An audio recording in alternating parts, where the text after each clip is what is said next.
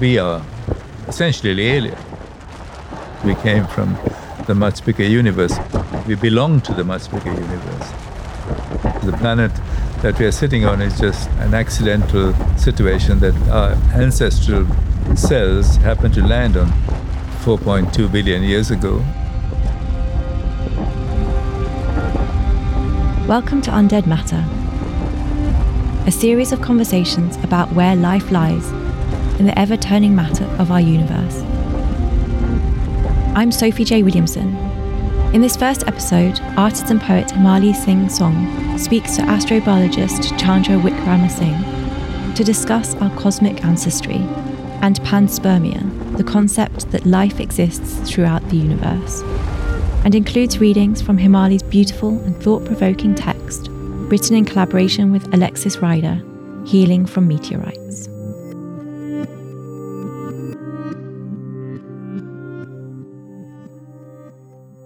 Professor Chandra, I'm so excited to meet you. Oh, thank you. Thank you. I've had the most cosmic few days discovering your work, your discoveries, your expeditions, we should call them. Can you explain what you mean by there being life everywhere in the universe? Where does it come from and how is it made? Well, I think, first of all, the question relates to how life started on the Earth the simplest calculations that we've been doing over many, many years shows that the probability of the simple molecules like the amino acids or the components of nucleic acids coming together with the information that's needed to make a living system is almost precisely zero.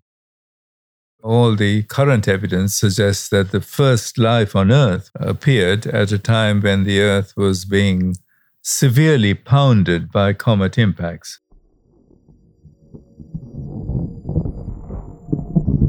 It came whirling through the atmosphere. Tails of white smoke forming figures of mythical creatures in its wake, announcing its arrival on the ground with a sonic boom. Newfangled insects with horns buzzed, and algae bloomed the size of the sun, and sponges and corals and mollusks, and bryozoans and crinoids, and barnacles and platypuses, and turtles with eyes like the Sphinx and hands like Saturn shuddered awake.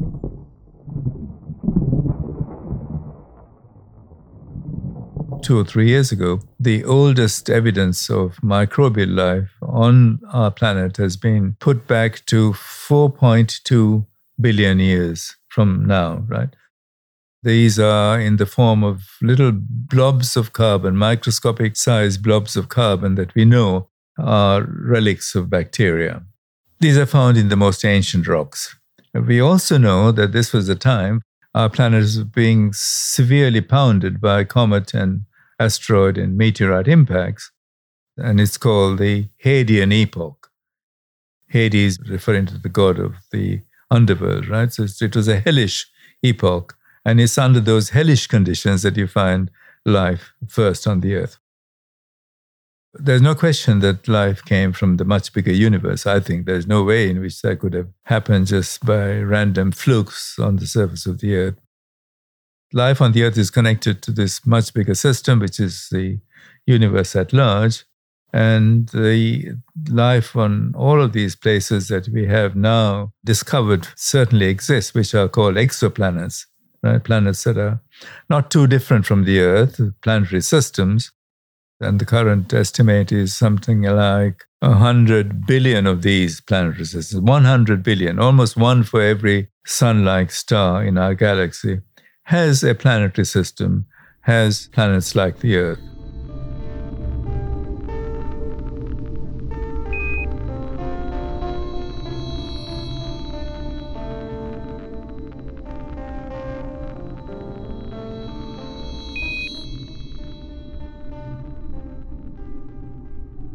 There's absolutely no doubt now that the same processes that led to life starting on the earth and developing on the earth would have happened on these countless other places in the galaxy. And there's also no doubt that living systems, even earth living systems, that terrestrial life systems, could have been transported through impacts to other places. So every exoplanetary system that has got life started on it would also be throwing life out into space, making the entire galaxy a single connected biosphere. So I would imagine that people like you and me would be talking on programs, podcasts like this in many, many, many other places in the galaxy, right? Even our own Milky Way, there will be these planetary systems.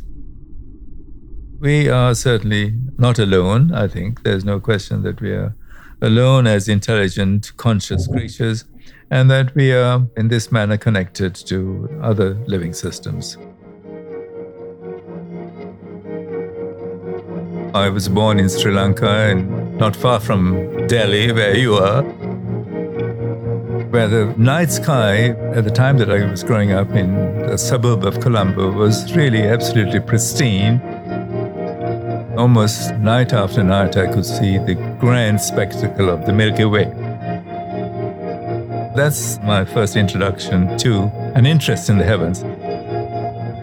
I think the spectacle of the Milky Way that would have greeted most primitive ancestors, sort of going back maybe thousands of years, would have been an absolutely awe inspiring sight.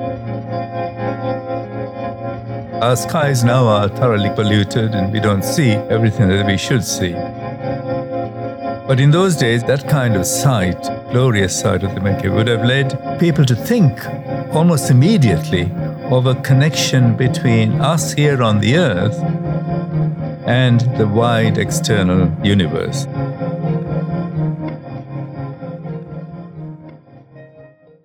We have absolutely clear evidence from cave paintings showing that animals on the earth appear to be connected with things in the sky. You have the constellations of Taurus and Scorpio and so on. These ancient peoples of 15,000 years ago linked constellations, patterns of stars in the sky with things that were happening here on the ground. Artists in more recent times have also developed similar links with the universe and gone even much further. For example, and we all know Paul Gauguin's famous painting with the title, Where Do We Come From? Who Are We? Where Are We Going? And that's a very famous painting, right? So it's these questions that have been addressed by artists. And I believe that these questions epitomize an unending human quest to try to understand our origins. Today, as scientists, we have only a little more knowledge, a faint glimmer of the correct answers to these questions. We still don't really know for sure where we came from, where we are going, and so on. Despite our earliest human instincts to reach out for the stars, something really important happened in the early Christian era and the dawn of the present era, because there immediately followed, from the turn of the last millennium, the dominant view that the universe and life within it has to be centered on the earth.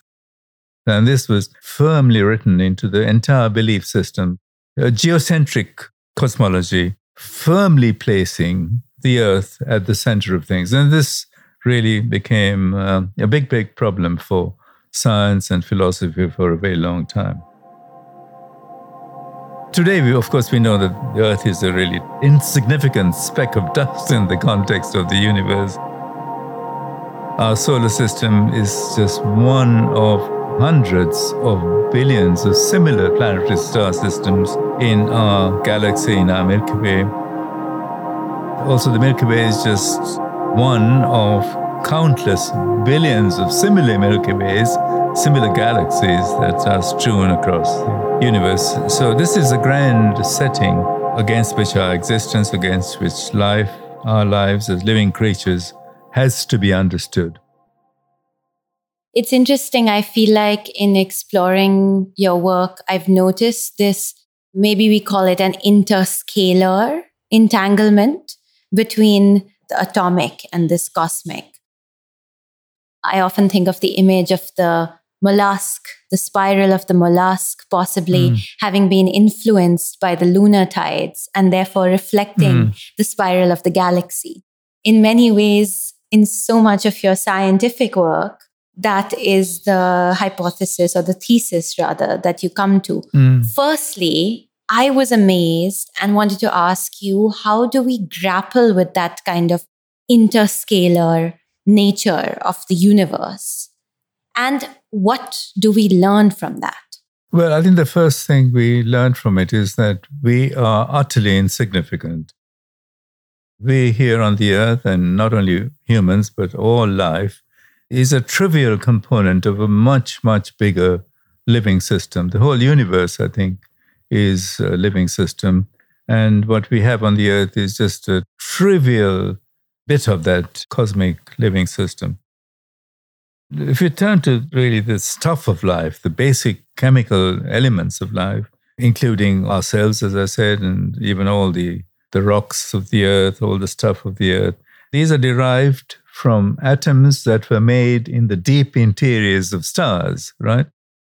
So immediately for every atom, every carbon atom, every oxygen atom, you have an ancestry that goes back to the stars. The carbon, the oxygen, the nitrogen, the phosphorus, the metals that we have around us in our bodies and so on were all synthesized in nuclear reactions that took place in the deep interiors of stars. And they were then thrown out into space by exploding stars, explosions of supernovae. And the entire universe itself, what does that look like? And this really comes to questions that are concerned with cosmology and even theology to some extent, because current ideas of cosmology favor a unique one off origin of the entire universe and this event is supposed to have taken place some 13.83 billion years ago, according to sort of general consensus. Right. Not proof, of course, but this is what most astronomers have come to believe. And this is the so called Big Bang Theory. And amazingly, this whole story fits very comfortably with a Judeo Christian type view of creation, a one off event a godlike creator created the universe 13.3 billion years ago. There's been evidence, and that's why it's sort of continued. But evidence against that has also been accumulating at a really prodigious rate in recent years. And just, I think, about less than a year ago, astronomers discovered a galaxy that is only a few hundred thousand years after the Big Bang. That should not be there. There should not be a modern galaxy with stars and so on. So, all the ideas of the Big Bang are seriously threatened by what's happening in astronomy at the moment. And there are many astronomers like Roger Penrose, who's won a Nobel Prize recently, who's come now to openly question the concept of a Big Bang universe that is only 13.8 billion years old in a way, doesn't it feel like an epistemological lesson as well? Absolutely. That somehow knowledge does not come to us and information doesn't come to us in these linear, clean arrangements, but is rather messy and catastrophic in a way. Absolutely. Many people think that it's cozy and comfortable to think that they already had an explanation in terms of their religious um, preconceptions. And that's what's been challenged really significantly.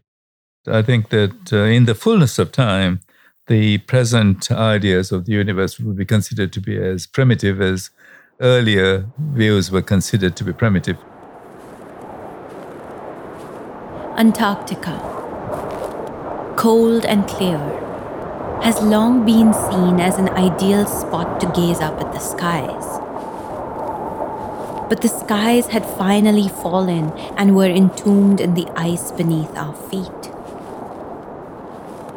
These primordial morsels mark a moment in the ice, producing, through their interjection, new and strange stratigraphies. If the word mirage comes from wonder, it left us marveling at the layers of deep time embedded in a single geographical point, a helix of histories gathered in a blip. this idea of constantly shifting disciplines and ways of knowing and ways of reality or truth telling is itself, in a sense, a lesson. But tell me if your entire universe so far has existed on the premise that there is life elsewhere and everywhere, even, then what do we do with the problem of consciousness? I think that's the biggest unexplained facet of life in terms of scientific understanding. We think that consciousness is somehow connected with the interaction between cells in our brain, right? We have a pretty good idea of how the human brain works in terms of its mechanics and so on. But as for how it generates consciousness, how it generates uh, innovation and uh, sort of artistic sensibilities and so on, we just haven't a clue. I think that is still in the realm of metaphysics or metabiology. Have you ever had an inkling in studying dust or meteorites or any sort of seemingly, as this podcast is called, undead matter? Have you ever felt like it has a consciousness? I think consciousness is a result of the exchange of information between cells, between living cells. Individual living cells, like for instance, even a bacterium, which is an independent living cell, can communicate with other bacteria and form some kind of intelligent community, right? And you could regard that community of bacteria that is sharing information, maybe sharing information about where to get uh, food and stuff like that. This is a kind of consciousness, isn't it? Collective behavior of a group of living entities. Now, each of our brain cells is, in a real sense, a living entity. They are interconnected, and the connections lead to this unexplored and unexplained phenomenon of consciousness. So I think that's the biggest discovery that is to be made in the future, but it's connected with life in the cosmos. I think consciousness is derived from the fact that life is a truly cosmic phenomenon everywhere in the universe, and I think it is uh, the repository. Life in the universe is a repository of all information, and that includes consciousness. All the great sages have come to that conclusion, isn't it? The ancient Vedantic philosophers, the Buddha, and so on, regarded consciousness as being derived from ourselves within us, but also external to us at the same time. It's within us and outside of us. So it is the connection between living entity and the rest of the universe. It was a chauvinistic assumption that rational science could will away catastrophe. In divine justice, lunacy herself intervened to prove these scientists wrong. Through the 20th century, the moon was recognized as a mirror of Earth's sparks. Covered in a million craters, speckled with cosmic interjection. How could two celestial bodies, joined as they are at the hip, have such different stories? How could the moon be so dented and Earth unscathed? Of course, hidden beneath its lively skin, Earth bears the truth. Craters so vast they make you weak at the knees, the residue of impact so forceful they shifted the geology of the entire planet. Dinosaurs departed, and something unearthly arrived it's interesting that you mention immortality in the same vein as the Buddha and the Vedantas, because of course, their whole project in mythology and theology is the search for immortality. You have Vishnu riding over a turtle yes. in the middle of the cosmos to churn the sea of immortality. Yeah, I think that's part of Asian philosophy, Indian philosophy in a very, very deep sense. Did you have many influences from Sri Lanka and India in terms of a kind of scientific imagination, a fantastical imagination? I remember asking one really famous Buddhist monk in Sri Lanka what he thought life was comprised of. how does he explain human life? And he thinks that it is a combination of three components. Every individual human life is made up of three components. One, the sperm from the father, the ovum from the mother, the egg cell from the mother, and a packet of consciousness that comes from the universe. So, three entities have to be involved in making up a single human being. Mm. So, that sort of really went deep into my own mm. consciousness, and I kept remembering that whenever mm. I was working on these problems of the origins of life and the extent of life in the universe. Frozen meteorites cradled in ancient ice, the tongue stones of the cosmos, as if they had something important to say in a language of their own. I've been, of course, fascinated by J.C. Bose over here and yeah. Satyajit Ray yeah. with the idea of the alien. But I was recently in Sri Lanka just in 2019. And I was amazed at how many symbols or rock faces, or we passed Sri Hata. And I remember thinking, of course, this is yes. Stargate. Of course, this is used in the sci fi imagination. And I know you were friends with Arthur C. Clarke, who lived there, yeah. of course. So I wonder how this small island in the tropics grows that imagination somehow. I've lived in Britain for a very long time now, but I feel myself very closely attached in an emotional and in a physical mm. sense to Sri Lanka as being a home for the most profoundly important concepts about the universe. And Buddhism is, is part of that story. Mm. You feel this emotional connection, which of course I do too with India, yeah. especially when I'm in the UK. But I often find myself, and again, this is, I guess, where poetry intervenes in the astronomical imagination. I often mm. think of the alien mm. and the alien that we are and the connection to alienation. How do we understand the alien from a scientific perspective that allows us to welcome the alien in our lives? I think the only way to do that is to admit that we ourselves are alien. Yeah. There's no way in which we are indigenous to the earth. The standard story that life emerged from a primordial soup just from random process is absolute nonsense. Mm. And the probability is something like 10 to the minus 1000 would be the simplest microorganism, which is a very primitive microorganism. For those that microorganism to form in a primordial soup has a minuscule probability. It wouldn't happen more than once in the entire history of the universe. That's the improbability that it is. This calculation clearly mm. shows that we are essentially aliens. We mm. came from the much bigger universe. We belong to the much bigger hmm. universe. Mm. The planet that we are sitting on is just an accidental situation that our ancestral cells happened to land on this planet 4.2 billion years ago. And then from that time on, more microbes came, viruses came, and added to the genomes of these simpler life forms and ended up with all the plants and animals that we see, including ourselves, that we see at the present time. That sentence gives me shivers that we are not indigenous to Earth. That's amazing. Yeah, I think it would be a false sense of coziness mm. to believe that we are all earthly creatures. We are not earthly creatures. Our components are far from being earthly, they're cosmic.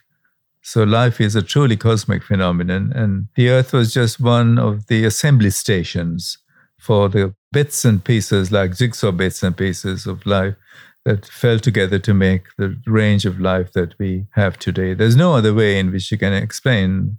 Interesting. We normally think of our planet as a closed ecosystem, and you're describing Earth in a way as an open system, receiving yeah. many tons of celestial debris each day. Yeah, yeah. Can you explain this? Well, there's no question that the Earth is an open system. It's a fact that any particles that are coming within the Earth's gravitational field will be pulled towards it and pulled onto it. And this is happening all the time. And as you said, something like uh, 100 tons of this type of material is falling in to the earth on a daily basis.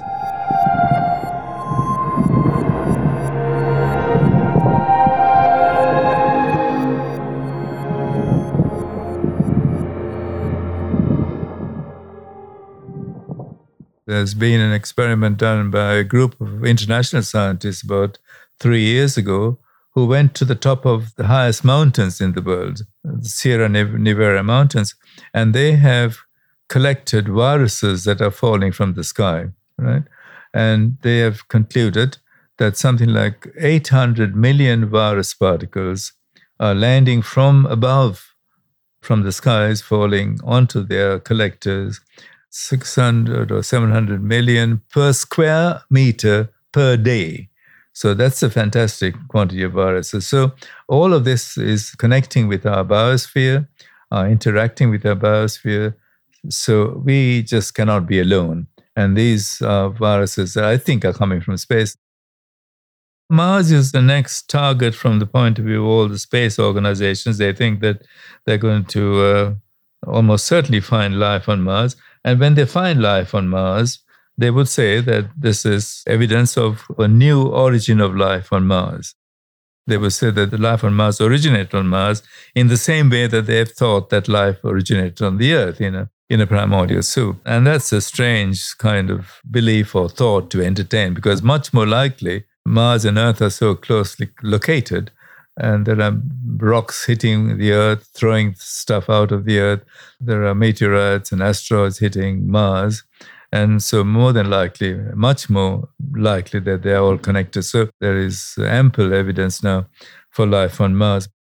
Why is it so controversial for the world to believe that life came from elsewhere? Because we like to think that life is something very special to the Earth. And um, the contrary evidence is then either disbelieved or degraded.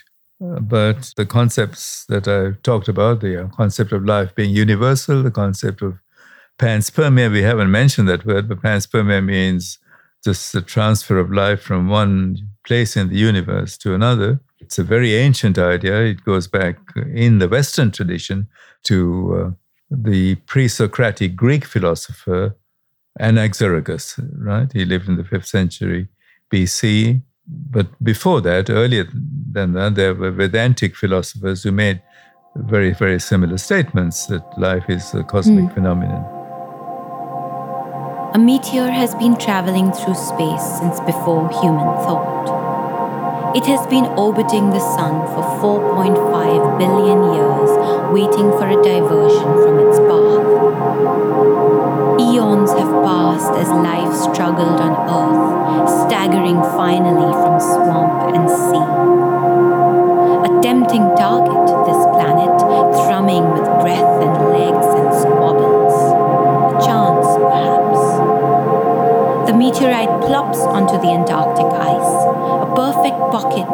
Negative entropy, a spot of unconformity, an unexplainable catastrophe a repeating and rejuvenating little death, a means of worlding that meteorites insistently offer.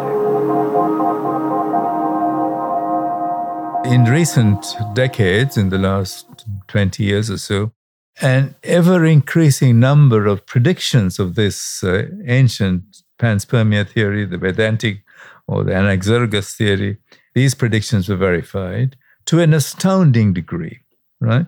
And there's not one prediction, but I can think of something like two dozen predictions that were verified. Wow.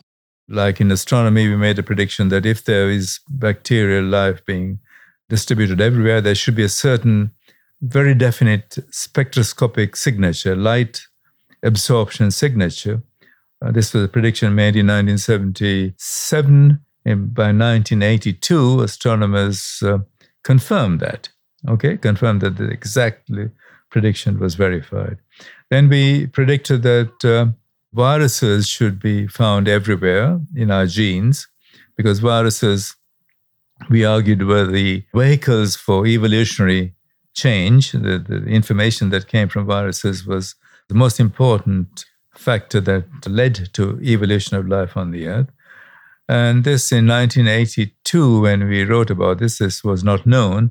And now, of course, we know that viruses are all over our genes, right? Our human genome is at least 3% viral. This is the so called silent DNA that we now know is all derived from viruses.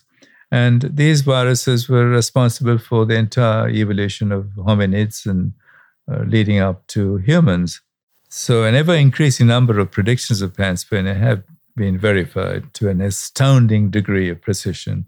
Wrong theories do not mm. behave like that. This is a point that I've made in several of my recent writings. If you have a wrong theory, sooner or later, there would be a prediction that is not fulfilled, that is violated, and then you have to discard that theory. The idea that life is universal, life is cosmic, has not come up against that kind of problem. But the triumph of panspermia over the rival ideas that have a, a deep Judeo Christian component to it has proved a really very serious problem. I think also the question of trying to prove primordial soup chemistry in the laboratory has taken place for now over five decades with zero result laboratories around the world have been using high tech biochemical techniques to try to show that life can be formed from non life, and that has been a dismal failure. Panspermia's star is certainly really on the ascendant. There's no question about it. That would be the final triumph of science, accepting that life is a truly cosmic phenomenon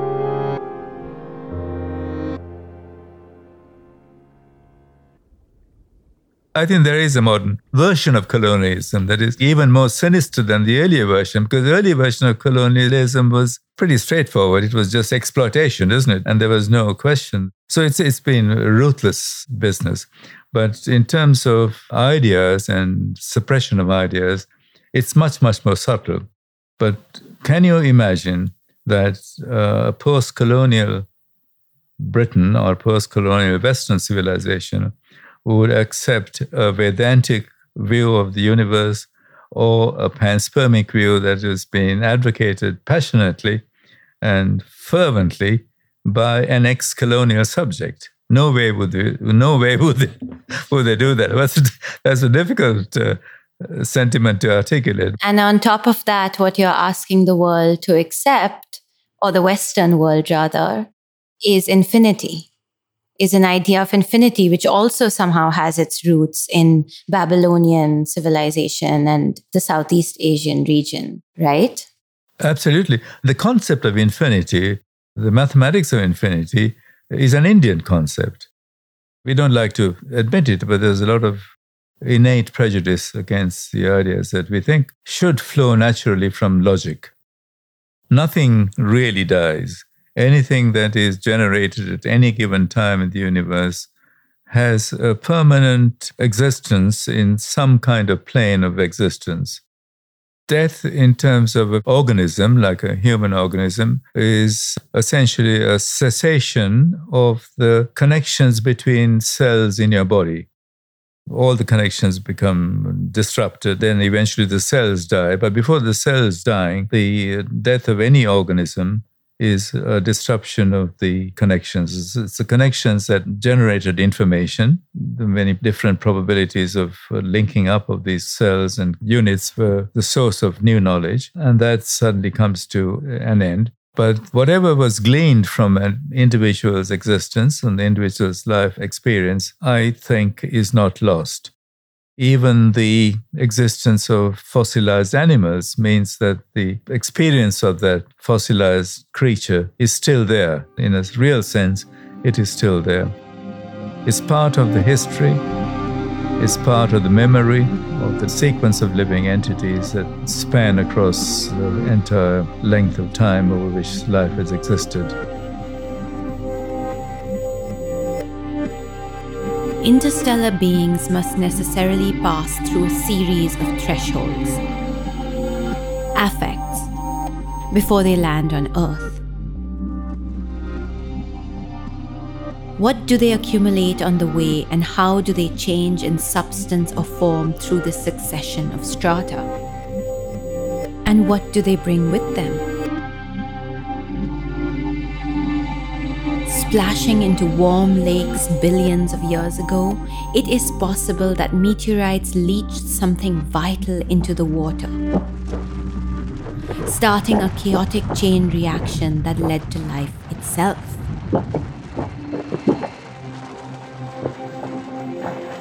This series of podcasts is produced by Undead Matter, initiated and convened by Sophie J. Williamson.